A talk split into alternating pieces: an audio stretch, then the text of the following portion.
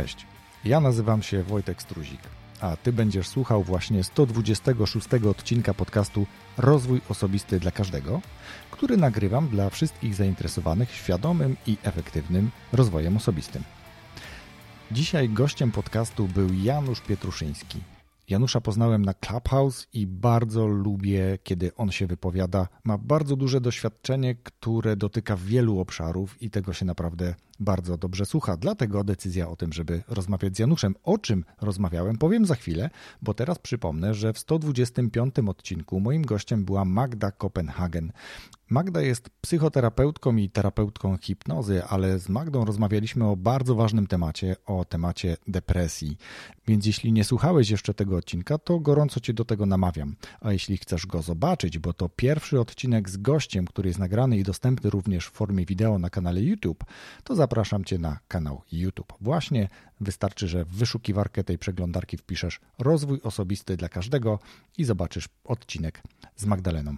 Namawiam Cię gorąco, a teraz o czym rozmawiałem z Januszem? Z Januszem rozmawiałem przede wszystkim o trendach, o tym, dlaczego warto je śledzić, e, gdzie śledzić albo kogo obserwować, żeby być na bieżąco z tymi trendami. Rozmawialiśmy też o tym, czy zawody znikają, czy przestają być dla nas zwyczajnie atrakcyjne. Rozmawialiśmy o wielu ciekawych rzeczach i ta rozmowa była całkiem dynamiczna i myślę, że Janusz tutaj pokazał znowu po raz kolejny, no tutaj Wam po raz pierwszy, ale dla mnie to już po raz kolejny, no ten szeroki swój wachlarz doświadczeń. Bardzo lubię słuchać takich ludzi i wierzę, że ta rozmowa również Tobie się spodoba, a teraz do niej właśnie zapraszam. Nazywam się Janusz Pietruszyński i jestem interim managerem, czyli menadżerem do wynajęcia. Bardzo ciekawy, ja to już słyszałem Wielokrotnie też o tym opowiadasz na Clubhouse, bo tam się właśnie poznaliśmy, poznaliśmy się, czy też poznały się nasze głosy, a dzisiaj dopiero mieliśmy okazję zobaczyć się i my się widzimy, a wy, drodzy słuchacze, nas słyszycie. E, o tym, czym się zajmujesz, będziemy jeszcze rozmawiać, bo to jest jakby powód, dlaczego ciebie zaprosiłem do podcastu, ale teraz, żeby tradycji też stało się zadość i ta ramówka miała swoje miejsce, goście zawsze opowiadają o swojej pasji, więc pro, proszę Ciebie też o to, żebyś powiedział, co jest Twoją pasją albo jakie masz pasje. E, moją pasją jest nieprzewidywalność świata, w którym przyszło nam żyć. Bardzo mnie pasjonuje to, co się dzieje wokół nas e, i to, co dziać będzie się w najbliższych latach. Z tego też wyrosła decyzja o tym, aby budować swój rozwój osobisty nie wokół jednego wydarzenia, jakim na przykład jest praca zawodowa w jednym miejscu dla jednego pracodawcy, ale aby bardzo łapczywie czerpać z możliwości, jakie dają obecnie lata 20 i lata 30, które, które przed nami. Trudno sobie to wyobrazić naszym rówieśnikom, ale e, mi udaje się pracować jednocześnie dla kilku lub nawet kilkunastu firm w tym samym czasie, w tak zwanym tygodniu roboczym. Możliwość zestawienia sobie bardzo różnych sytuacji biznesowych, możliwość przeanalizowania różnych wyzwań zarządczych, z różnych branż, funkcjonujących pozornie blisko siebie, a jednocześnie bardzo daleko. To wszystko jest y, moją pasją zawodową. Natomiast oczywiście nie pracujemy tylko i wyłącznie i nie tylko tym się zajmujemy. Y, wielce sobie cenię ten czas, który nazywam możliwością zresetowania głowy. Więc resetuję głowę e, biegając, e, resetuję głowę czytając, a ostatnio, trochę zaintrygowany również przez Ciebie, resetuję głowę słuchając, e, bo ten świat podcastów jest dla mnie trochę jeszcze nie do końca odkryty i wędruję e, od różnych głosów e, do, do różnych spotkań, zauważając, że jest to absolutnie fascynujące. Podcasty towarzyszą mi Wojtek podczas pływania, mhm. bo pływam w słuchawkach, ale również podczas jazdy samochodem, co podobno nie do końca jest bezpieczne, i podczas biegania. Yy, więc e, da się, da się zresetować i jednocześnie być cały czas blisko tych absolutnie fascynujących gości, których no również ty miałeś tu okazję gościć u siebie.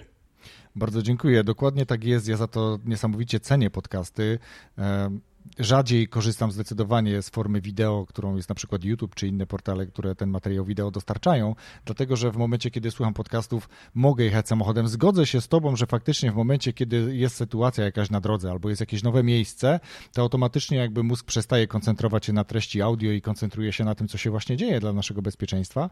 Mm, tak jest i to też potwierdza to, że nie ma czegoś takiego jak multitasking, o czym tak dużo się przecież mówi czy mówiło, ale poza tym oczywiście, że można właśnie biegać, pływać tak jak to robisz, czy prasować koszulę, czy, czy cokolwiek robić takiego, bo okazuje się, że według badań, ja byłem przekonany, że podcastów najczęściej słucha się podczas podróżowania, tudzież prowadzenia pojazdu. Okazuje się, że statystyki mówią, że najczęściej słucha się podczas różnych domowych czynności, czyli gotujesz, myjesz, pracujesz, sprzątasz, cokolwiek sobie robisz, majsterkujesz, słuchasz podcastów i to jest ten największy udział, a później dopiero są faktycznie podróże, więc super, że udało mi się Ciebie zarazić również słuchaniem podcastów ja tu widzę samą wartość, więc fantastycznie. To prawda. Ja trochę wyrastam, Wojtek, z tej intymności radia. Jestem wielkim fanem radia. E, tej atmosfery bardzo intymnej, e, wędrowania za głosem, tym nastrojem, które, który udawało się zbudować wielu legendom polskiego radia, tak trzeba o tym powiedzieć. Mhm. Natomiast to, co mnie też intryguje e, w podcastach, to absolutnie nieprzewidywalna do wyobrażenia sytuacja, kiedy ktoś tej rozmowy będzie odsłuchiwał, tej naszej, którą teraz, teraz tak. toczymy. Więc to też jest no, bardzo sexy walor właśnie podcastów. Dokładnie, no my będziemy za chwilę rozmawiać trochę też o, mm, o przyszłości, o trendach, to już taka zajawka, e, a tego ktoś może posłuchać za 3 lata, za 5. Zobaczymy, jak te trendy się wtedy faktycznie zrealizowały. E, dzisiaj cały czas, e, każdego tygodnia, jak sobie zaglądam w statystyki, to widzę, że te odcinki sprzed dwóch i pół roku, sprzed dwóch lat, one cały czas kilkanaście, kilkadziesiąt razy są tygodniowo słuchane, bo wiadomo, że te nowsze cieszą się większą popularnością, ale te starsze przecież cały czas też ktoś trafia na ten podcast, więc tak właśnie się dzieje. Zobaczymy, co będzie za te 2-3 lata z tym odcinkiem. E, no dobra, ale Janusz, w takim razie drugie z serii typowych pytań do gości podcastu o rozwoju osobistym. Jak ty widzisz, jak ty rozumiesz rozwój osobisty?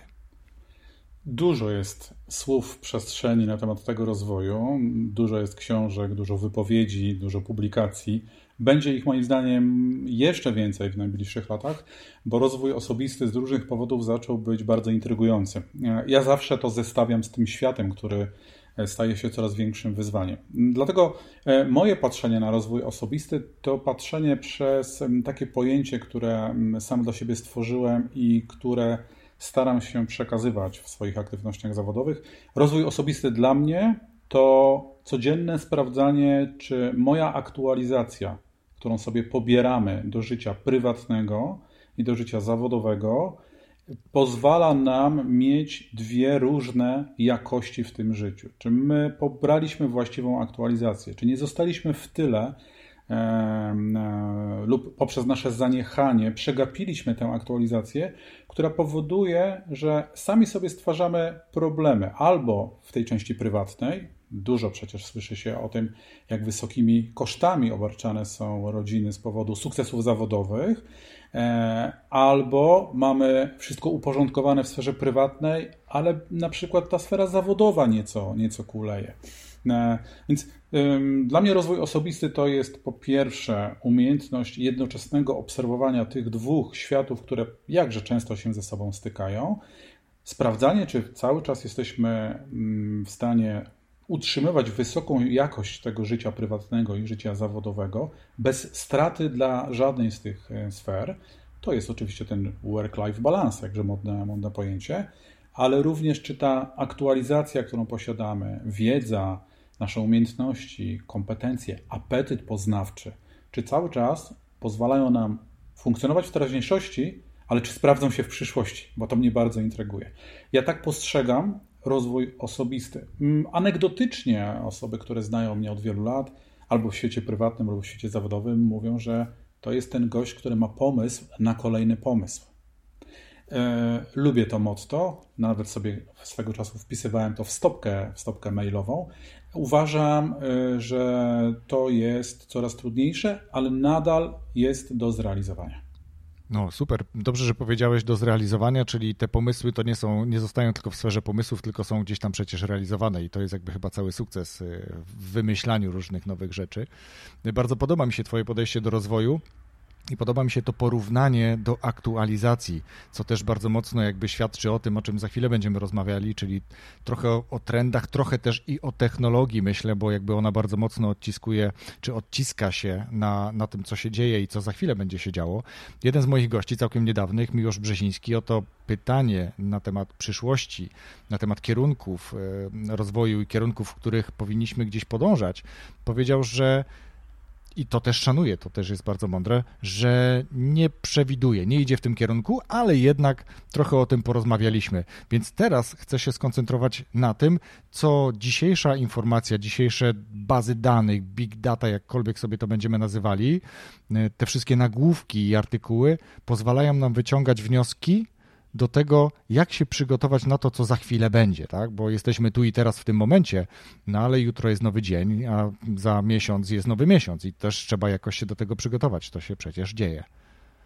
Uważam, że to słowo aktualizacja, które wyszło nieco z technologii, bo wszystkim nam się kojarzy z tym, że my musimy regularnie aktualizować urządzenia, których używamy, e, a brak tej aktualizacji powoduje zakłócenia techniczne, chociażby w smartfonie, e, jest przenoszalna ta aktualizacja właśnie na to, o co zapytałeś, na tą jakość życia, na rozwój osobisty e, i dużo problemów, które mają nasi rówieśnicy, osoby młodsze, osoby, które nie, w ogóle nie zwracają uwagi na metrykę, powoduje, że uwierzyli, że jedna aktualizacja pobrana w którejś części życia wystarczy na kolejne lata. Podczas gdy tempo tego wszystkiego, co nas otacza, jest coraz szybsze i tych aktualizacji pojawia się bardzo dużo. Tak naprawdę, zgodnie z pewnym duchem technologicznym, żadnej nie powinniśmy lekceważyć i tak na którymś etapie musimy ją pobrać, żeby chociażby ten smartfon działał i można było posłuchać Twojego podcastu. Dokładnie tak. Ja też mam takie obserwacje, słuchaj Janusz, że czasami niektórzy przedsiębiorcy czy menadżerowie e, też zatrzymali się właśnie na jakimś etapie, na ostatniej aktualizacji sprzed 10 czy 15 lat i nic dalej w tym kierunku nie robią. I myślę, że Ty spotykasz ich bardzo wielu, czy to w postaci członków zarządu, czy menadżerów wysokiego szczebla, którzy właśnie też mają takie przeświadczenie, że przecież już wszystko, co mogli się nauczyć, czego mogli się nauczyć, już wiedzą. Już tyloma zespołami na, na zarządzali, już takie sukcesy naodnosili, że już jakby nie ma tego know-how, które oni powinni posiąść. Natomiast no, know, no właśnie to, co powiedziałeś, brakło tych aktualizacji gdzieś po drodze i widzimy, jak menedżerowie czasami miotają się, nie znając y, tego, co się dzieje po drugiej stronie, jak reaguje ich zespół, ich zespoły, ich firmy, e, etc., czy też y, budżety, plany na, na najbliższe strategie, na najbliższe e, lata, bo już nie robimy tego na dziesiątki lat, tak jak jeszcze kilkanaście lat temu, czy kilkadziesiąt. Teraz to już raczej są strategie dwu, pięcioletnie, pewnie rzadziej dłuższe. No dobrze, porozmawiajmy w takim razie o trendach. Dlaczego w ogóle warto śledzić trendy jakiekolwiek? Może zostawmy te modowe, bo tutaj jakby nie czuję się absolutnie e, wypowiadać w temacie, ale jeżeli chodzi o trendy, czy to technologiczne, czy właśnie trendy związane z rozwojem, bo to raczej główny trend, o którym chciałbym porozmawiać, dlaczego warto to śledzić?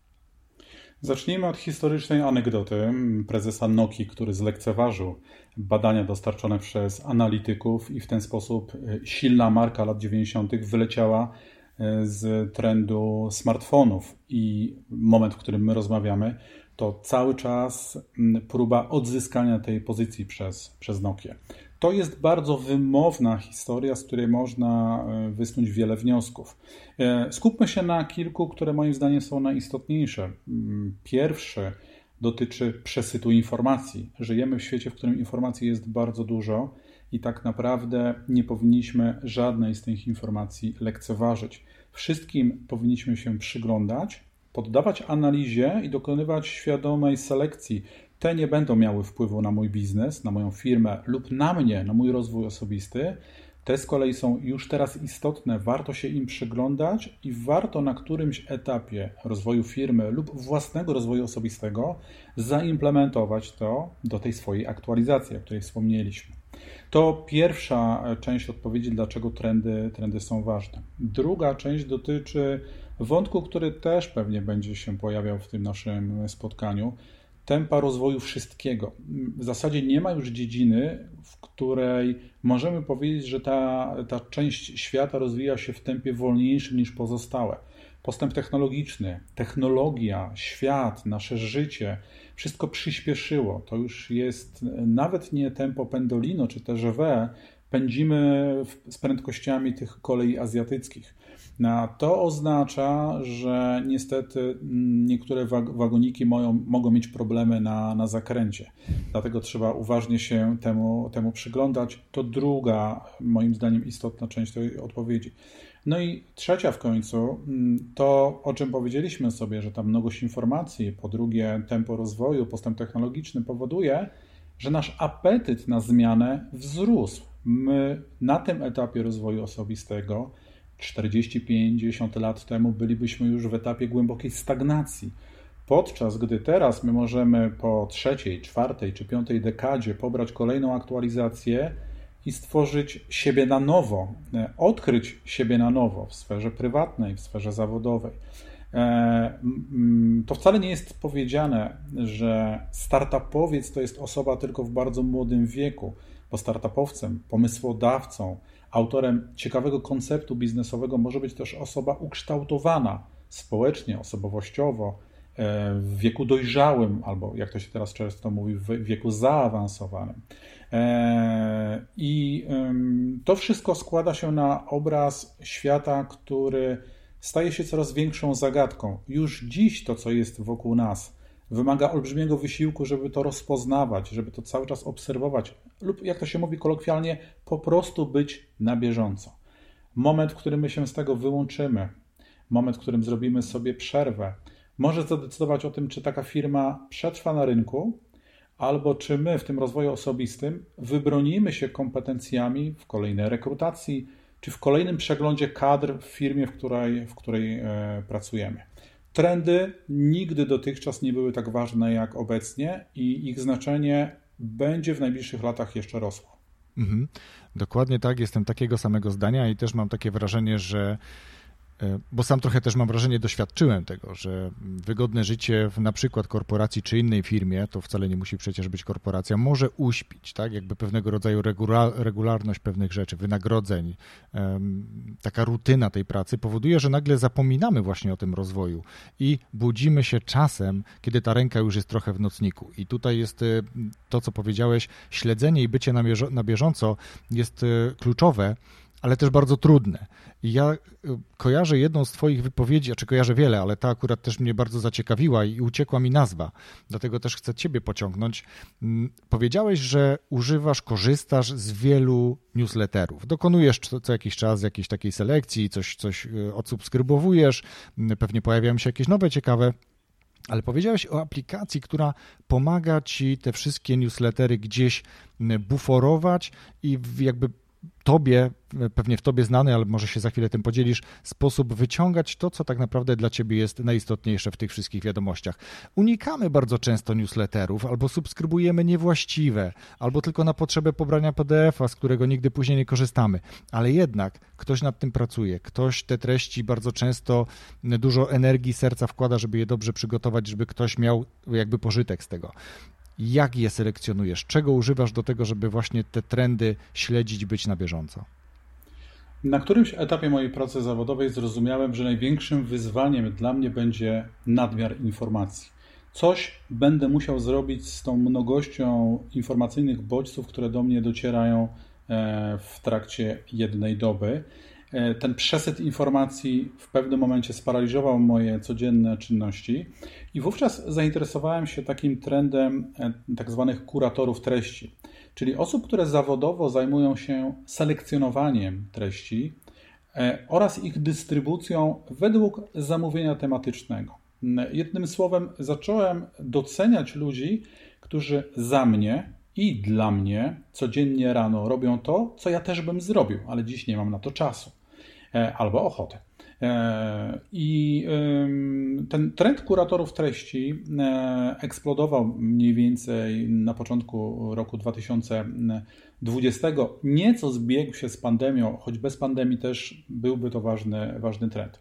W dużym skrócie, kurator treści to osoba, która dzieli taką pasję jak, jak ty, albo nasza słuchaczka lub słuchacz, który w tej chwili spędza czas przy naszym podcaście i w momencie, kiedy zapiszemy się na y, model dystrybucji tych treści, będziemy te treści otrzymywali. Albo w formie newslettera, albo w formie PDF-a, w formie bezpłatnej, lub zgodzimy się na pewną umowę. Ja dla ciebie tych informacji będę wyszukiwał, ty mi za to zapłacisz. Tak powstały płatne newslettery.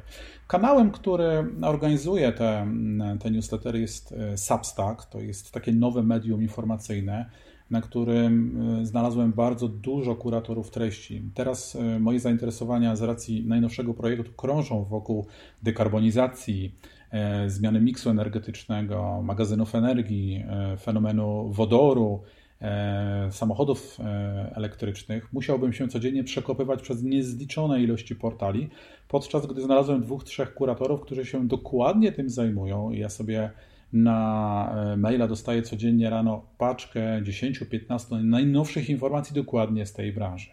E, przy części z tych newsletterów mam delikatną sugestię, że jeśli doceniam ten sposób pracy, to mogę ich za to nagrodzić. Tak zwanym napiwkiem. To nie jest rodzaj opłaty, to jest dobrowolne.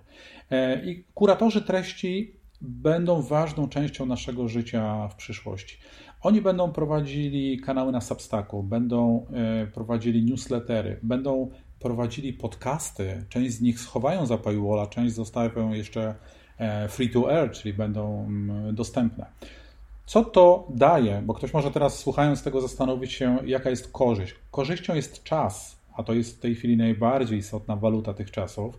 Więc jeśli codziennie zaoszczędzisz 15-20 minut z tego porannego prime time'u, który jest przecież wypełniony też organizacją domu rodzinnego, wychodzeniem do pracy, czy odwożeniem, czy po prostu pójściem na uczelnię, to okazuje się, że te 30 minut możemy sobie na coś zagospodarować. Jestem wielkim wyznawcą teorii, że my sobie w najbliższych latach bez kuratorów treści nie poradzimy. Część tych kuratorów my dzisiaj oglądamy na ekranach tradycyjnej, linearnej telewizji. Dziennikarze, którzy odejdą z tych mediów, staną się kuratorami. To jest zawód przyszłości, ale również będą to osoby, które odejdą z korporacji.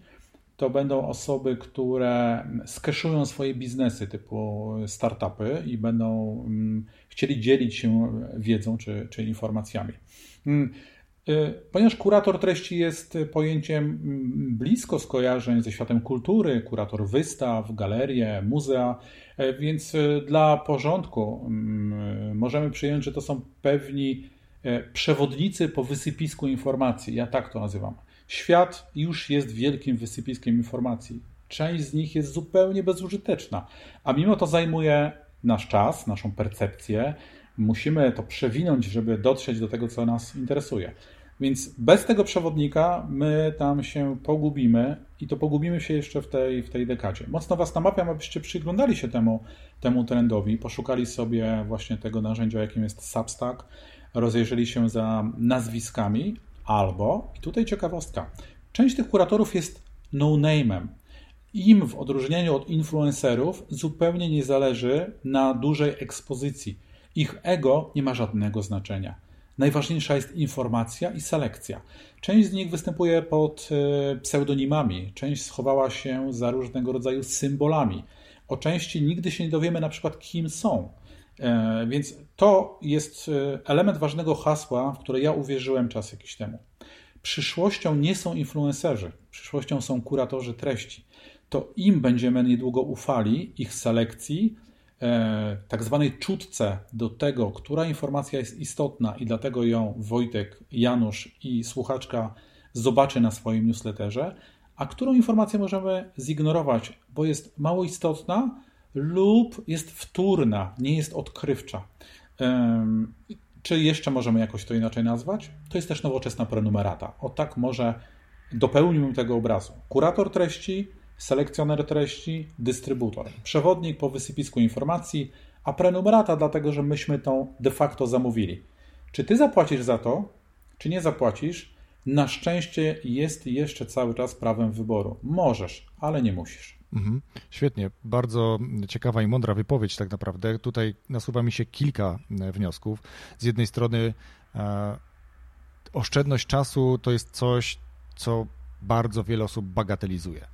Przy czym ten czas przecieka przez palce przed telewizorami i masą innych takich rzeczy, które nie dają wartości albo wręcz ją umniejszają z naszego życia, ale też to, co powiedziałeś, że to ty decydujesz jako odbiorca tych treści, czy chcesz nagrodzić nadawcę, czy chcesz nagrodzić tego e, kuratora. I tutaj tych narzędzi też jest wiele, bo jest Patronite, jeśli on tam jest, ale też e, być może e, instalują sobie jakieś proste wtyczki w stylu buy me a coffee, gdzie możesz te 3 euro czy 3 dolary za taką wiadomość raz na jakiś czas komuś dać, powiedzieć stary, ta wiadomość dużo mi pomogła i jest istotna. I ja bardzo gorąco też do tego namawiam, żeby doceniać, nawet nie w taki sposób, nawet to nie musi być forma przelewu, ale po prostu udostępnienia tych treści dalej. Powiedzenia, posłuchałem tego e, autora tych treści, tak? czy, czy osobę, która to mi udostępniła, czy, czy podcast, czy jakiś film na YouTubie. To też jest bardzo ważne, bo to pomaga rozpropagować tą treść,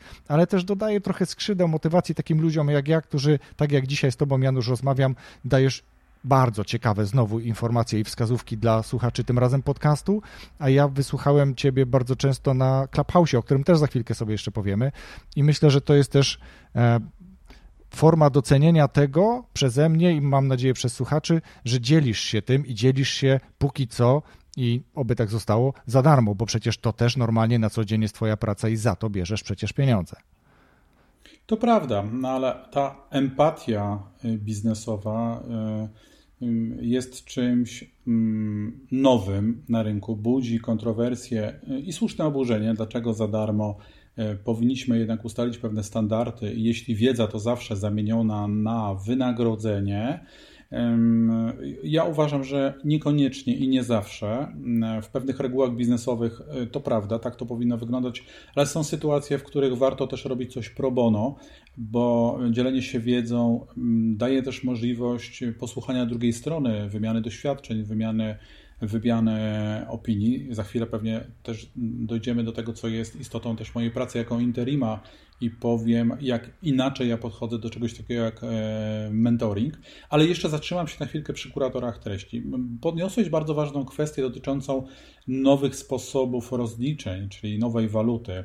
E, tą, tą walutą faktycznie jest żywy pieniądz, bo my komuś zapłacimy miesięczną opłatę za newslettera, czy za kanał e, taki jak ten podcast na przykład. Drugim rodzajem waluty jest ten pay per share, czyli udostępnij i to już dla mnie jest satysfakcjonujące, bo pochwaliłaś się, pochwaliłeś tym, że czytasz moje informacje, ale mamy jeszcze trzecią walutę. To, to jest e, bardzo silny trend, który już mamy, a za chwilę on eksploduje. To jest współtworzenie i współdecydowanie. Współtworzenie to oznacza, że wokół tych kuratorów tworzą się osoby, które podpowiadają, na co jeszcze zwrócić uwagę, którym tematem się zainteresować, o czym napisać kolejnym, e, kolejnym razem, czy w kolejnym wydaniu mhm. newslettera. To są nowe rodzaje społeczności. One się tworzą wokół informacji, wokół znaczenia tych informacji oraz wokół wniosków, jakie my wyciągamy z tych, z tych informacji. Nie ukrywam, że na wielu kanałach substackowych równie atrakcyjne dla mnie są komentarze pod treściami niż sama, niż sama treść. Ja tam się dowiaduję bardzo wielu, wielu informacji. Chciałoby się powiedzieć, Dlaczego ci ludzie piszą te komentarze za darmo? Tak? Bo, bo taka jest społeczność. Ta społeczna, społeczność jest skupiona wokół wymiany informacji i wymiany, wymiany doświadczeń. I to jest to współtworzenie. A z kolei współdecydowanie to modne wciąż jeszcze ankiety, w, w ramach których my się wypowiemy, kiedy chcemy tego newslettera otrzymywać, czy w poniedziałek rano, a może w niedzielę wieczorem, kiedy mamy nieco wolniejsze tempo i możemy sobie w ramach takiego rezime tygodnia sczytać, wrócić do jakichś treści, które nas krótkim impulsem zaintrygowały w tygodniu, ale nie mieliśmy czasu się nad tym zastanowić. E, te dwa ważne elementy, czyli współtworzenie, współ, współdecydowanie versus różne sposoby wynagradzania za tę pracę i na samym początku ten podmiot w postaci kuratora powoduje, że de facto rozmawiamy, Wojtek, o zupełnie nowym medium. To, to, to nie jest telewizja, ale to też nie jest y, Facebook. To jest coś zupełnie, zupełnie nowego. Więc jak pewnie słyszysz i wy również, jestem wielkim entuzjastą tych kuratorów. Mam ich zgromadzonych całkiem spore grono w miarę tego, jak zmieniają się moje zainteresowania lub zmienia się zawartość portfolio tych projektów, które teraz realizuję.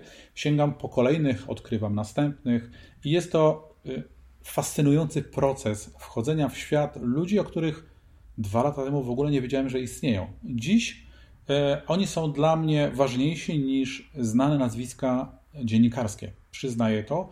Dziś dla mnie kurator treści jest ważniejszy niż prowadzący wieczorne wydanie któregoś z dzienników informacyjnych w tradycyjnej telewizji. Mhm.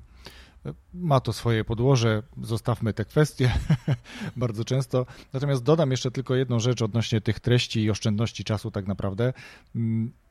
Tak i bardzo mocno się nad tym zastanawiam, stąd jakby ponowiłem to pytanie o tą aplikację i ja to podlinkuję, to co, to co powiedziałeś, tak żeby słuchacze też mogli do tego dotrzeć w opisie tego odcinka podcastu.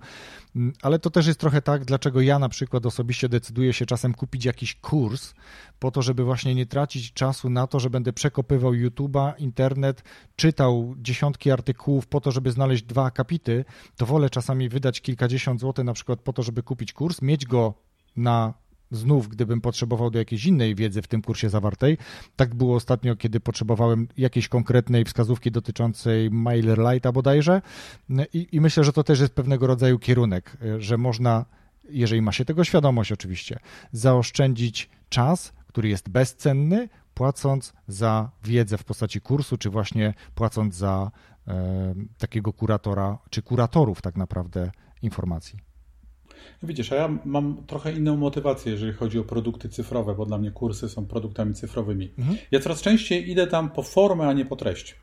Uważam, że poziom y, kursów jest wysoki i bardzo wyrównany. To znaczy, ciężko w tej chwili y, wytworzyć jakąś unikalną treść. To wymagałoby bardzo dużych nowych doświadczeń, nowej wiedzy. Mhm. Y, w związku z tym bardzo często kursy mają powtarzalną treść. Ja coraz częściej zwracam uwagę na formę w jaki sposób ten kurs został przygotowany, jak jest e, steatralizowany sposób przekazywania tej wiedzy, jaką charyzmę ma chociażby prowadzący, jak to wygląda od strony grafiki, jak wygląda sam, sam proces dochodzenia do włączenia, do odtworzenia. E, uważam, i tak też przekazuję klientów, klientom, bo część z nich pochodzi z branży e, opartej na wiedzy, na sprzedawaniu wiedzy, że teraz Prawdziwym wyzwaniem jest wymyślanie ciekawej formy. Opakowanie decyduje o tym, czy będzie to magnes zachęcający do zakupu. W środku nie zawsze jest wow.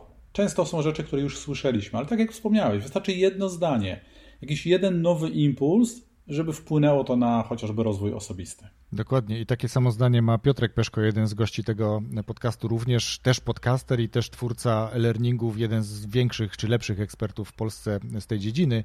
On też jakby pasjami kupuje książki, jakie tylko wychodzą na temat e-learningu po to, żeby poznać, czy cokolwiek się zmieniło, czy jest coś nowego, coś odkrywczego, żeby móc to ewentualnie zastosować, więc jak najbardziej tak. Interesuje mnie, ale myślę, że słuchaczy również, bo przecież y, podcast jest o rozwoju osobistym. Ty nie zawsze pracowałeś w takim modelu, w jakim pracujesz dzisiaj.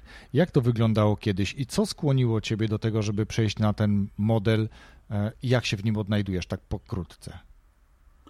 Jestem pewien, że część z Was, słuchaczy tego, tego podcastu, łapie się na czymś takim jak coraz krótsze cykle zainteresowania jednym tematem. Na przykład po dwóch, trzech latach obecności w jednej firmie dochodzicie do ściany, wszystko już się wydarzyło. Nie, nie chodzi mi teraz o możliwości awansu, tylko mówiąc bardzo wprost, zaczynamy się pewnymi rzeczami nudzić. Y, ja tę naturę jakby bardzo szybkiego dochodzenia do ściany odkryłem u siebie dość szybko. To znaczy, bardzo szybko potrafiłem rozczytywać pewne, pewne case'y biznesowe czy pewne doświadczenia zawodowe, i po tych dwóch, trzech latach ten e, mozolny, codziennie powtarzany proces zarządczy nie był dla mnie już taki intrygujący. Najbardziej intrygowały mnie te sytuacje, które ja nazywam tak zwanymi interwencjami, które pod, które, kiedy potrzebne jest działanie, jakaś intensywna korekta. E, one podnosiły mi adrenalinę. Uważałem, że to było ciekawsze. Moment, w którym się już to dopełniało, realizowało i wchodziło to w ten proces e, takiego eksploatacyjnego zarządzania, był ważny, ale dla mnie mniej atrakcyjny. I mhm. to był ten moment, w którym stwierdziłem, że fajnie byłoby ułożyć sobie całą aktywność zawodową właśnie wokół takich świadomie reglamentowanych napięć, czyli wchodzenia właśnie w takie sytuacje, kiedy wymagane jest interweniowanie. I to był ten impuls, żeby się tym zainteresować. Drugi impuls to jakaś publikacja, której oczywiście nie jestem w stanie sobie dziś przypomnieć, mówiąca o tym, jak wygląda tendencja na rynku bardziej dojrzałym, e, czyli na rynku niemieckim, gdzie ta ścieżka kariery, e, kiedyś mi się tak wydawało, e, oznaczała stopniowe przechodzenie z, z pewnych stanowisk na coraz wyższe, po to, żeby potem to spuentować na przykład ważną rolą w zarządzie. Podczas gdy w tej publikacji powiedziano, że innym scenariuszem rozwoju osobistego jest świadome wyjście z pewnego rozwoju zawodowego na etapie czwartej lub piątej dekady życia i pójście z tymi kompetencjami na wolny rynek, aby zaoferować je kilkunastu podmiotom jednocześnie. Czyli żeby sprzedawać te kompetencje w modelu na godzinę, co wydało mi się wtedy szalone, ale jednocześnie bardzo intrygujące, bo to uruchomiło moją wyobraźnię. Jak miałoby to wyglądać? To znaczy, że będę wychodził rano do kilku miejsc pracy i ten proces organizowania rzeczywiście trwał, ale niezbyt długo, mniej niż pół, pół roku. I potem zacząłem realizować dwa projekty jednocześnie, trzy, cztery nieco też testując swoją sprawność, taką zwinność e, zarządczą, umiejętność przechodzenia z jednej firmy do drugiej, z jednej branży do zupełnie skrajnie, skrajnie innej. No i w międzyczasie ten rynek się otworzył, bo jak wiesz, została e, zliberalizowana ta ustawa o prowadzeniu działalności gospodarczej, pewne zawody zostały uwolnione, mhm. więc stwierdziłem, że to chyba już jest dobry moment, żeby postawić wszystko na jedną kartę i tak też się stało a potem ku mojemu wielkiemu zaskoczeniu nagle wszyscy zaczęli mówić o tym, że za 15-20 lat dokładnie tak będziemy pracowali. E, oczywiście wyczuwasz pewnie e, delikatne akcenty pychy. To fajnie być przed trendem. E, ja to spłaszczam. Cieszę się, że byłem przygotowany do sytuacji, w której zaczęto głośno mówić o tym, że halo, zwróćcie uwagę, tak będzie wyglądała Twoja praca za 15-20 lat. Nie jedno miejsce pracy, ale kilku lub nawet kilkunastu pracodawców. E, twoje kompetencje mogą wzbudzać zainteresowanie bardzo różnych podmiotów, ale nie każdy z nich będzie chciał mieć Ciebie na stałe. Ale dużo firm będzie chciało, żebyś przyszedł lub przyszła i pomogła swoją wiedzą, doświadczeniem, e, entuzjazmem, innym podejściem lub innym spojrzeniem na ten sam problem, wspomóc ten zespół stały. E, reszta jest w głowie. Pogodzenie się z tym, że nie masz tam swojego biurka, że nie, nie jesteś częścią tego wewnętrznego rytuału, że to z tobą się nie omawia o imieninach. Ty nie jesteś w tej firmie z korzeniami. Ty jesteś zawsze tym freelancerem, tym interimem, który wchodzi w te emocje, pomaga lub realizuje to samodzielnie. Mocno zwracam uwagę na ten akcent wykonawczy. Nie doradza, nie konsultuje, tylko faktycznie to wykonuje, a następnie wychodzi z tego procesu i idzie dalej. Moim celem nigdy nie jest zatrudnienie u klienta. Moim celem i moją taktyką nie jest nigdy zdobycie stanowiska, czyli pozbawienie kogoś pracy. Celem interima jest in, profesjonalna interwencja biznesowa w warunkach, w których klient nie mógł sobie na to pozwolić, bo nie miał zasobów, albo Trudność tego problemu powoduje, że w obrębie posiadanych kompetencji w firmie de facto tych kompetencji nie ma. Trzeba je kupić na rynku.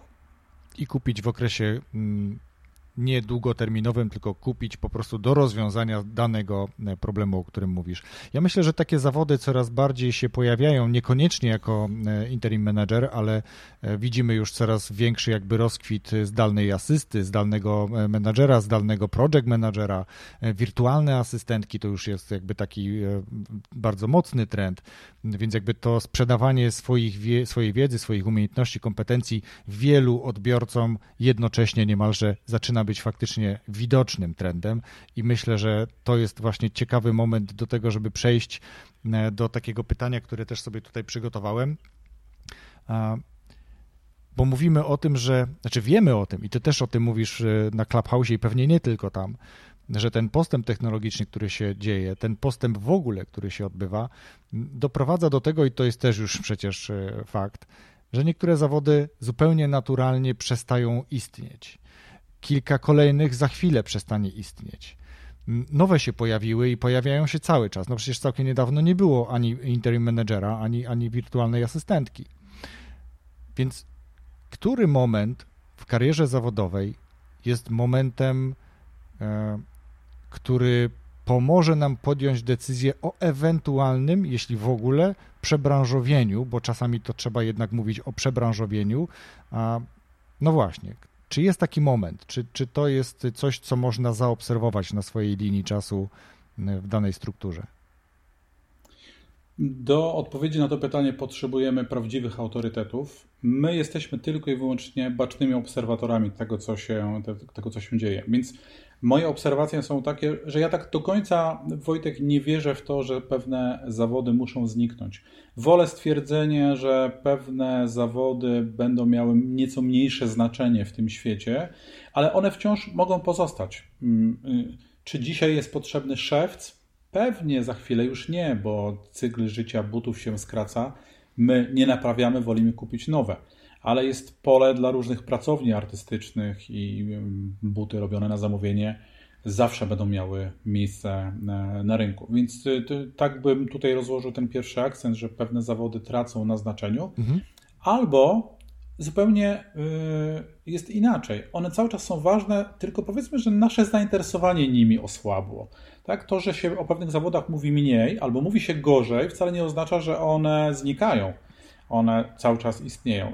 Mówię o tym zupełnie świadomie, bo wydaje mi się, że w ostatnich latach jest dużo zawodów, które dostały świetny PR i dlatego stały się takie modne. Mhm. My już nie chodzimy do kwiaciarni, do pani kwiaciarki, tylko idziemy do pani florystki a w salonach spotykamy stylistów, tak jakby już nie było fryzjerów. To jest po prostu PR. O pewnych rzeczach zaczęło się mówić ładniej i w sposób bardziej atrakcyjny, co nagle sprawiło, że te zawody dostały takie trochę, takiego trochę większego prestiżu.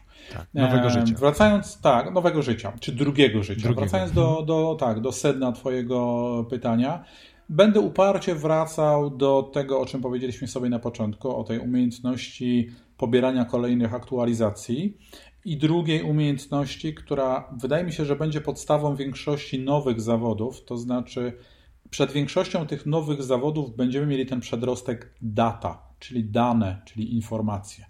I w zależności od tego, jak szybki będziemy mieli RAM w głowie, jak będziemy potrafili myśleć szybko, jak będziemy myśleć inaczej niż inni, jak będziemy potrafili z pewnymi wnioskami wyprzedzać innych, to będziemy mieli bardziej prestiżowe te zawody z przedrostkiem e, data. Tu będziemy musieli się wykazać pewną odwagą decyzyjną, ale też pewną taką sprawnością we wnioskowaniu, w analityce.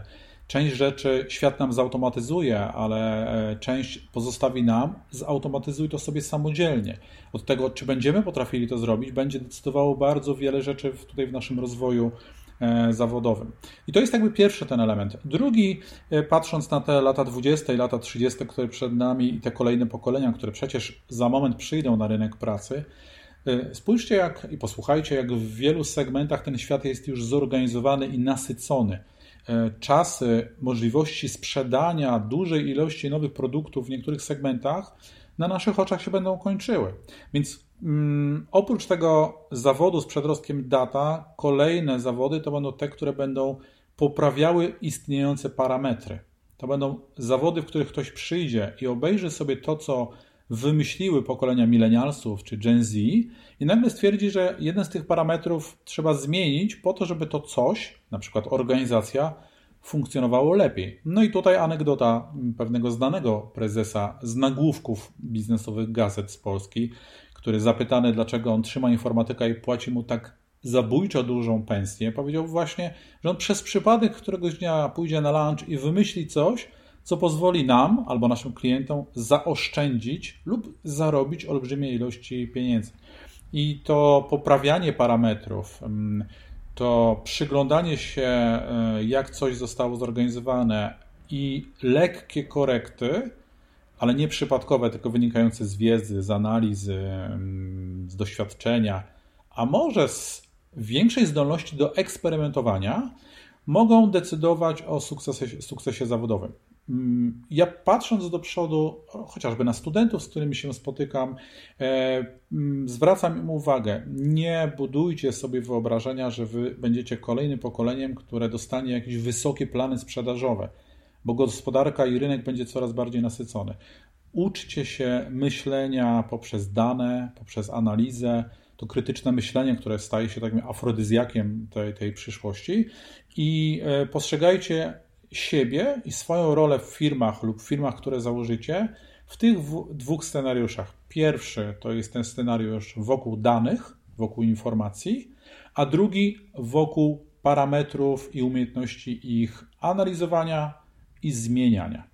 To jest moja subiektywna ocena.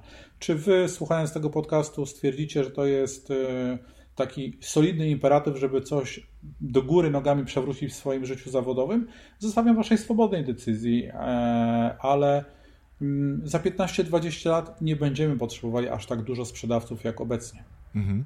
No właśnie, i to jest też taki wstęp do, do, do kolejnego mojego pytania, bo jeżeli patrzymy tak, sięgniemy sobie pamięcią kilka lat, dosłownie kilka, pięć maksymalnie do tyłu, to wielki boom na deweloperów, informatyków szeroko pojętych, programistów głównie, e, który dalej jakby mam wrażenie nie wyhamowuje, ale to nie jest jedyny trend i to nie jest jedyna kompetencja, którą warto w sobie rozwijać, żeby podążać za trendami i być gotowym na to, co się może wydarzyć. Trochę powiedziałeś już o tym, czyli powiedziałeś o tej umiejętności analitycznego myślenia, krytycznego myślenia, o umiejętności czytania danych, cyferek, tak, porównywania ich, wyciągania wniosków. Jakie jeszcze, jak myślisz, kompetencje e, warto w sobie rozwijać, żeby nadążyć za tymi trendami, które, które w końcu przed nami jeszcze? Y, ta mapa kompetencji jest obecna w domenie publicznej od wielu lat i ona nie jest tajemnicą. Ten taki klasyczny trójpodział, czyli e, kompetencje techniczne, nazywane czasami też twardymi, e, zestawione z kompetencjami społecznymi, czyli z umiejętnościami przebywania w, w jakichś środowiskach wspólnych.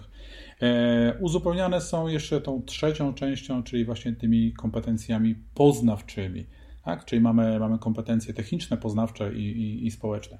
I tutaj nie mamy, Wojtek, żadnego prawa ustawiać to w jakiejkolwiek kolejności, czy przypisywać jednej większą wartość, a innej niższą wartość. One są y, trwające w tym samym czasie, ważne e, w równym stopniu, z żadnej nie można rezygnować, a już tym bardziej żadnej nie można lekceważyć. Tak? E, trzeba się tylko przyglądać przez pryzmat czasu, w którym ktoś te kompetencje będzie dodawał do swojego profilu zawodowego. Inaczej na te kompetencje spojrzy osoba, która przechodzi w ramach tak zwanej tranzycji, czyli przechodzenia z czasu studenckiego do pierwszych doświadczeń zawodowych Zupełnie inaczej będzie w przypadku osób, które odchodzą z korporacji w ciemno, bo to też jest przecież modne, bo jest taki impuls i nie wiem, co się wydarzy, ale już nie mogę tu funkcjonować. A jeszcze inaczej u osób, które w bardzo świadomy sposób organizują sobie drugi, trzeci czy czwarty etap rozwoju osobistego czy, czy zawodowego. E, moje ostatnie realizacje, jeżeli chodzi o, o projekty interimowe, to są e, ukształtowane, podkreślam, odnoszące sukcesy firmy w których jest nadwyżka gotówki i w której e, leadership wpada na taki pomysł, otwórzmy sobie jakąś drugą nogę. Tutaj jesteśmy dobrzy, jesteśmy liderami lub współliderami w jakimś segmencie, spróbujmy zrobić coś innego. I to bardzo często są rzeczy abstrakcyjnie inne niż podstawowy model biznesowy. Czasami jest to, jak ja to nazywam, spacer nocą do lasu bez latarki. Może być różnie. E, a czasami jest to tylko i wyłącznie, Wojtek, po to, żeby sprawdzić, czy my jeszcze potrafimy. Czy dzisiaj, mając firmę założoną mm, gdzieś w dekadzie 90-99, czy gdybyśmy wrócili do tamtego momentu, ale w tym świecie, czy my od tak od zera potrafimy jeszcze coś stworzyć?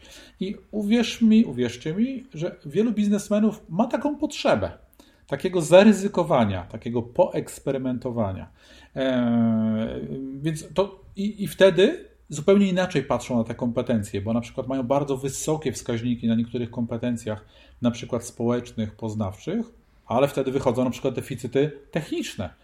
Bo mamy jakąś tam wiedzę z aktualizacji z 2000 roku, początek milenium, jakiegoś internetu 1.0 i ktoś wpada na pomysł, że otworzę sobie drugą nogę w tym takim modnym świecie digital marketingu, czy jakiegoś tam marketingu opartego o doznania społecznościowe. No i z tym bywa różnie. Bywa bardzo różnie. Czasami trzeba mm, z pokorą przyjąć porażkę.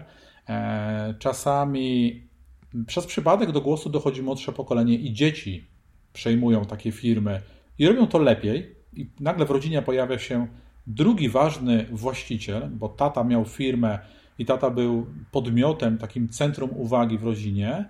E, I tacie się wydawało, że to, to przecież będzie łatwo otworzyć drugą mm. firmę, a nie okazało się, że nie. I nagle w, w ramach takiego współudziału, czy takiego współtworzenia, tę młodszą firmę, tą tak zwaną drugą nogę przejmują dzieci i wychodzi. I nagle wychodzi. Ja nazywam to sytuacją 1-1. E, czasami warto taki mecz rozegrać w takiej rodzinnej firmie, po to, żeby się dowiedzieć, że to młodsze pokolenie też coś potrafi i potrafi dużo. I warto na nich stawiać i słuchać, bo generalnie jak patrzymy na postęp technologiczny i oby nigdy się tak nie zdarzyło, że przestanę ja nadążać i e, nigdy nie będzie dla mnie problemem korzystanie z urządzenia, które za chwilę być może się pojawi, bo mogę porównać, nie wiem, kilka osób z pokolenia moich rodziców, gdzie akurat moi rodzice doskonale sobie radzą ze smartfonami, tabletami, telewizorami i całą resztą, będąc w wieku 70 plus ale są młodsi, którzy mają już problem, kiedy coś się zadzieje z pilotem na telewizorze, kiedy nagle pojawia się szary obraz i co ja teraz mam zrobić? I, I, to jakby nigdy nie chciałbym iść w tym kierunku, dlatego ważne są te aktualizacje, o których mówiliśmy na samym początku, a później ten motyw się tutaj przewijał. Mm, przewijał się też motyw dostarczania różnych treści, kuratorów tych informacji i tak pod koniec myślę, bo to będzie myślę ciekawa też puenta, kogo warto obserwować, żeby być na bieżąco z tymi trendami? Czy są jakieś konkretne nazwiska, które byś polecił? Czy konkretne portale, media, oprócz tej aplikacji, o której mówiłeś, a którą podlikuję, no to y, jak to agregować jeszcze? Jestem wielkim fanem Jowity Michalskiej, którą warto obserwować, jej aktywności na, na Facebooku i w internecie. Ona jest ważnym speakerem, włączyła reflektory na bardzo dużą ilość zjawisk, które były dotychczas mało istotne, a przez to, że powiedziała o nich Jowita, nagle stały się centrum uwagi, stały się ważne. Polecam zdecydowanie Jowita Michalska. E, warto na Instagramie obserwować Monikę Borycką, która również jest na Clubhouse e, i Monika dostarcza obłędnie fantastycznej wiedzy na temat trendów, e, mikrotrendów, wyjaśnia co z czego wynika, dlaczego to jest już ważne, za chwilę stanie się kluczowe. To są, to są mm, dwie no, osobowości, tak, tak to trzeba, trzeba powiedzieć, mhm. jeżeli chodzi o, o trendy. E, no byłoby sporą e, nieelegancją nie wspomnieć o Natalii Hatalskiej, która uznawana jest za prekursorkę mówienia o trendach. Mhm. To Natalia, wydaje mi się, że pierwsza powiedziała, że trendy, mówienie o trendach jest już trendem. Mm, tak ja przynajmniej pamiętam ten moment, jej raporty są fenomenalną e, kopalnią wiedzy i też ustawiają pewien wektor e, dyskusji w danym roku, zwłaszcza mapa trendów, którą publikuje Instytut Natalii Hatalskiej. To są dla mnie trzy najważniejsze osoby. Mam nieustająco wysoki apetyt na to, co mówią, co publikują, na co, na co zwracają uwagę. I chciałbym zostawić tutaj takie niedopowiedzenie, bo w przypadku trendów, mówienia o trendach, tej całej e, nauki, lada moment mogą wydarzyć się rzeczy, o których dziś nie jestem w stanie nic powiedzieć, ale to jest też zawód aspiracji. Bardzo dużo młodych ludzi, choć nie tylko młodych, myśli o swoim rozwoju zawodowym i rozwoju osobistym właśnie e, przez pryzmat tego, że a może ja bym zajęła się, zajął właśnie trendami. Więc e, wydaje mi się, że za, za chwilkę możemy mieć nową falę właśnie influencerów, y, gdzie ich głównym komunikatem będzie właśnie rozmawianie o trendach. Tyle tylko, że będzie to już e, bardziej e, specjalizacyjne i wysegmentowane. Wrócę teraz do kuratorów treści. Tam już to się dzieje. Jest sporo kuratorek, które zajmują się na przykład tylko zmianami klimatycznymi. Sporo jest kuratorek, które na przykład zajmują się nowymi modelami pracy, o tym wspominaliśmy w tej rozmowie, ale również nowymi modelami edukacji. I mhm. tylko tym zajmują się, więc to, to, to tak wydaje mi się, że lada moment tak, tak to będzie. Ja też mam takiego kuratora treści, który w zupełnie nieszablonowy sposób pokazuje na przykład ligę NBA, tak na granicy rozrywki, sportu, ale również statystyki, pokazuje jak NBA rezonuje na gospodarkę amerykańską, coś mhm. niesamowitego. Cała lista tych kuratorów, które cenię, jest na moim na profilu na, na LinkedInie. Powiadam, zostawmy sobie tutaj to niedopowiedzenie, natomiast na pewno Natalia Hatalska, Jowita Michalska i Monika Borycka to ważne osobowości, jeżeli chodzi o trendy tu i teraz, w czasie, kiedy rozmawiamy. Mhm. I te osoby również w opisie tego podcastu będą, także nie musicie się zatrzymywać, żeby sobie notatkę z tego zrobić. Ja też podlinkuję Twój profil LinkedIn, LinkedInowy, do tego za chwilę też przejdziemy, bo teraz jest taki moment, kiedy chcę, żebyś polecił książkę lub książki lub jakiekolwiek inne media, które dla Ciebie, ale i zakładam dla słuchaczy tego podcastu mogą być wartościowe. Ja mam nieustający apetyt na ludzi. Dla mnie rozwijające są rozmowy. To spotkanie z Tobą również jest wielkim impulsem do tego, żeby na chwilę się zatrzymać, żeby zrobić taki namysł, żeby, żeby skupić się na Twoich pytaniach. E, I w tym sensie mm, bardzo lubię kanał Macieja Filipkowskiego na, na YouTubie Zaprojektuj swoje życie, w którym ludzie opowiadają właśnie, w którym ludzie opowiadają, jak to się wszystko ułożyło, jak to się wszystko potoczyło. To jest wycieczka do decyzji, wycieczka do różnych momentów, do różnych zakrętów życia. E, cenię sobie bardzo, bardzo ten kanał e, rozmówców i, i możliwość e, wsłuchiwania się no właśnie w takie życiowe historie. Pozdrawiamy Macieja. To prawda. E, drugim autorem, którego wysoko cenię i jest u mnie na liście najlepiej wydanych pieniędzy w roku 2020, to jest Maciej Sasin, który wydał książkę o checklistach. Tak, Maciej też był u mnie gościem podcastu. Macieja też zaraziłem podcastem, też ma swój podcast, mam jego książkę u siebie. E, sposób, w jaki zbudował e, ten mechanizm patrzenia na wiele prostych czynności, także w życiu osobistym, zawodowym, poprzez właśnie checklisty, e, był dla mnie sporym odkryciem. To znaczy, ja wiedziałem, że tak można robić, ale nie wiedziałem, że aż tak profesjonalnie tak, można to tak. robić. To, to, to zdecydowanie rekomendacja. To jest produkt cyfrowy, który naprawdę warto u siebie, u siebie mieć. Namawiać też, też innych. Także to są takie E, dwa, dwaj, e, dwaj panowie. Dwóch Maćków. E, I, tak, dwóch Maćków, ich aktywności, to co, to, co robią. Macieja, to, Macieja Sasina no. też pozdrawiamy. Maciej Sasin teraz odnowił swoją twórczość, jest przecież też muzykiem i, i też na LinkedInie pokazuje tą swoją twórczość. Ja ją już usłyszałem trochę wcześniej na, na SoundCloudzie, więc no Maćku kawał dobrej roboty. No i w tym gronie nie mogę nie wspomnieć o y, jakże licznej grupie naszych nowych cyfrowych znajomych w aplikacji Clubhouse, gdzie my mieliśmy okazję się poznać, gdzie podczas wielu rozmów y, robiłem wielkie oczy y, z wielką fascynacją. Dlaczego wcześniej w ogóle nie znałem tych osób? Jak dużo osób ma wielką wiedzę i ma ochotę o tym mówić, dzielić się doświadczeniami. E, no zdecydowanie pierwszy kwartał 2021 roku. Jeśli kiedyś będę miał okazję sam sobie zrobić takie podsumowanie, należał do tej aplikacji i do wielu, wielu osobowości, które tam się w tej aplikacji pojawiły. Dokładnie tak. Jestem tego samego zdania, chociaż w ostatnim czasie troszeczkę musiałem się wyciszyć z tej aplikacji, bo koncentruję się też na innych rzeczach. Pracuję nad jednym ze swoich produktów, więc to. Ale zaglądam co najmniej raz w tygodniu. Tam jestem na swoim e, pokoju e, w piątki o 15.15 .15 i z racji na to, że syna teraz wożę na praktyki, to uciekłem jeszcze z pokoju, który bardzo lubię rano o 7 przecież u Karo E, mistrzowskie pokoje, więc to, to faktycznie e, brakuje mi tego dzisiaj i myślę, że do tego, do tego wrócę. Taka ciekawa alternatywa dla radia i tego wszystkiego, co się działo gdzieś po drodze do pracy, to jest zupełnie, zupełnie coś innego. Dobrze, mamy ciekawe rzeczy, które poleciłeś i to jest ten moment teraz, gdzie ty polecisz siebie, czyli jeżeli ktoś chce napisać do Janusza, zapytać cię o coś, zaprosić cię na przykład, to gdzie go odeślesz? Mówiłeś już trochę o LinkedInie, co jeszcze byś proponował? Czy, czy w ogóle? Jestem, jestem aktywny w wielu, wielu kanałach społecznościowych. Mówiąc wprost, jestem dostępny. Mój numer telefonu i mail jest w domenie publicznej.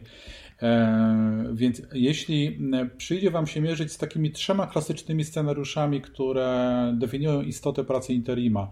Pierwszy scenariusz, szklany sufit, coś co działało 5-10 lat temu przestało działać Drugi scenariusz, mam pomysł, mam koncept, ale nie wiem, czy w ogóle jest sens, sens się tym zajmować. Lub trzeci scenariusz, tak zwany pożar. To ja z dużą przyjemnością wypiję kawę, e, chętnie o tym porozmawiam. E, wszystko w granicach oczywiście tych e, rzeczy, które muszę szanować, czyli porozumienie o poufności. Ja oprócz tego, że jestem Wojtek Interimem bardzo często i coraz częściej mówię też, że jestem konektorem. To znaczy łączę kropki, czyli łączę ludzi ze sobą. Wspomniałem tutaj kilkanaście minut temu o nieco innym podejściu chociażby do mentoringu. Dla mnie e, najbardziej cenne jest to, że dwóch przedsiębiorców ze skrajnie dwóch różnych branż, nigdy ze sobą nie konkurujących w tym samym segmencie, ma możliwość usiąść i sobie porozmawiać, jak mają firmy zorganizowane, jak mają pewne procesy wdrożone. E, ja w tym momencie wstępuję tylko i wyłącznie w rolę konektora, żeby ich ze sobą poznać, żeby przełamać opory po dwóch stronach, że warto, bo przecież to nie jest Twój konkurent. E, wy bardzo często się mijacie na stacjach benzynowych czy na konferencjach, a nigdy nie mieliście ze sobą okazji porozmawiać. A zobacz, on też zatrudnia 100 osób i ona zatrudnia 100 osób. Może macie podobne problemy. E, bardzo sobie cenię takie spotkania e, i one też są i twórcze, ale też budują zupełnie nową kulturę takich relacji biznesowych. Ja wierzę w to, że to się będzie systematycznie zmieniało. To nie jest domena młodego pokolenia, coraz częściej treści, na przykład na LinkedInie, to właśnie jest, że dwóch prezesów się ze sobą spotyka, odwiedzają się wzajemnie w firmach po to, żeby sobie porozmawiać, mhm. jak, jak mają to wszystko zorganizowane. Więc jeśli któryś z tych scenariuszy, które tutaj nakreśliłem, e, jest dla Was intrygujący lub e, właśnie teraz widzicie go już, że zbliża się na Waszym horyzoncie biznesowym, to po prostu do mnie napiszcie na LinkedInie, na Facebooku, na Instagramie albo wejdźcie na moją stronę januszpietruszyński.pl, wyślijcie do mnie maila zrekniemy w kalendarz. Po drodze będzie mi na spotkanie w okolicach Trójmiasta, bo to jest mój podstawowy rynek, e, ale ja mam dużą, dość dużą ruchliwość biznesową, więc mhm. E, pewnie e, znajdziemy też jakieś miejsce w połowie drogi, żeby sobie porozmawiać. Podkreślam jeszcze raz, to nie jest zachęta do tego, żeby wysłać do mnie zapytanie. Dla mnie rozmowa E, ta pierwsza taka rozmowa otwarcia, ja to nazywam, jest to rozmowa e, z dobrą kawą z, czasami z ptasiem mleczkiem i tyle. I to nie musi generować żadnej, żadnej mhm. faktury, co bardzo dziwi wiele, wiele osób, Wojtek. Także oni jakby, jakby wiele osób czuje się e, zobowiązanym, że to jest, że już trzeba za to zapłacić, a ja z racji warsztatu Interima i też doświadczeń od Interimów, których poznałem z innych krajów, wiem, że ta pierwsza rozmowa zawsze powinna być pro bono. Poznajmy się, zobaczmy, czy mamy taką samą chemię, czy ta filozofia patrzenia zupełnie inaczej, nieco nieszablonowo, czy w ogóle będzie akceptowalna. I jak już damy sobie posłowie i spiszemy kontrakt, to rzeczywiście wtedy wchodzimy w rozliczenia biznesowe. Natomiast to pierwsze spotkanie, no zobaczmy, czy w ogóle coś się wydarzy. Trochę Zapraszam jak, serdecznie. Tak, trochę jak w coachingu, trochę jak w mentoringu, gdzie tam właśnie y, te pierwsze spotkania powinny być właśnie takimi spotkaniami e, poznawczymi, e, za darmo, pro bono, jak to ładnie powiedziałeś. E, chcę tylko nawiązać do tego, że oprócz tego, że jesteś konektorem, to z tego, z którejś z tych twoich wypowiedzi kojarzę, że oprócz konektowania tych ludzi, łączenia ich ze sobą, dzięki Twoim znajomościom. Jesteś też trochę moderatorem takiego spotkania czasem, żeby naprowadzić, bo znasz ich wspólne problemy, ale później, jeżeli taki, taka współpraca będzie i ktoś będzie chciał czerpać z wiedzy tego drugiego prezesa, to bywasz, myślę, też takim egzekutorem, który pomaga e, wdrożyć te rzeczy, których, e, bo nie chodzi tylko o samą rozmowę i tą socjalizację, ale nauczenie się czegoś nowego i wdrożenie tego w swoim przedsiębiorstwie chyba. Istotą pracy interima jest proces wykonawczy. Tym się to różni od doradztwa albo od konsultingu. Mówiąc bardzo wprost, e, ja w odróżnieniu od innych branż nie produkuję książek, które można sobie zbindować i schować do szuflady, czy kolejnego PDF-a, który ma w tytule Strategia albo Strategia 2.0. E, mnie bardzo interesuje sprawność przeprowadzenia procesów wykonawczych, E, sprawność e, zadecydowania, zadelegowania, poprawienia, usprawnienia, wyjaśnienia. Z tego jestem rozliczany. Interim jest rozliczany z zestawienia zadań versus czas, a nie z objętości napisanej strategii czy wyprodukowania kolejnego dokumentu, który może i jest atrakcyjny, i jest ważny, na przykład nie wiem, w procesie pozyskiwania dofinansowania czy stawaniu na kolejny komitet kredytowy. Natomiast zostawiam tu pole moim koleżankom i kolegom, yy, którzy reprezentują wysokie klasy firmy konsultingowe, doradcze. Yy, my, jako sektor interimowy, jesteśmy od robienia, od wykonywania tego. Często jest to wykonywanie właśnie tych strategii, tak, które wylądowały już w firmie, ale ich zaimplementowanie okazuje się trudniejsze niż się wydawało na etapie zamawiania tych, e, tych strategii. E, to ważne rozróżnienie. Ważne rozróżnienie dla osób, które być może dzisiaj w ogóle pierwszy raz usłyszały o takim zawodzie jak menadżer, menadżer do wynajęcia. I tu muszę powtórzyć, jak echo to sformułowanie, ta interwencja biznesowa. Czasami po prostu trzeba zainterweniować, bo, bo coś miało być zrobione, ale okazuje się, że nie zostało zrobione. E, pewnie słyszałeś, Wojtek, na Clubhouse tę moją anegdotę. Ja w tych firmach, do których wchodzę jako interim lub jestem rozpatrywany jako jeden z interimów, który mógłby to zlecenie podjąć, bo my też mamy rynek konkurencyjny, mhm. E, bacznie przyglądam się, jak dużo pracy wykonuje pracownik, który nazywa się ktoś powinien. To jest ważna osoba w wielu firmach, tak. że w zasadzie to ktoś powinien to zrobić, ktoś powinien to wysłać, mhm. ktoś powinien to wykonać, ale to się nie wydarzyło. I interim zastępuje tego pracownika, ktoś powinien. My przychodzimy i to robimy. Rozwój osobisty dla każdego.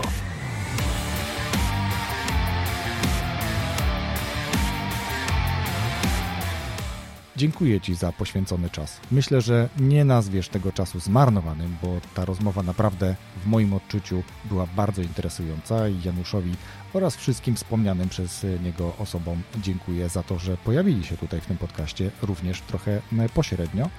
I dziękuję też w tym momencie swoim patronom, którzy dzielnie mnie wspierają, którzy pomagają mi realizować ten projekt, nie pozwalają mi się opuszczać. No i e, jeżeli Ty chcesz dołączyć do tego grona, to zapraszam Cię na patronite.pl łamane przez RODK patronite.pl łamane przez RODK. Tam możesz wybrać dogodny dla siebie próg wsparcia i dołączyć do rzeszy prawie 30 patronów podcastu. Dwóch podcastów tak naprawdę, bo kilku patronów wspiera mnie jako autora bajkowego podcastu. Z góry Ci za to oczywiście dziękuję i zapraszam na kolejny nowy odcinek, który tradycyjnie będzie miał swoją premierę za tydzień w piątek. Wszystkiego dobrego.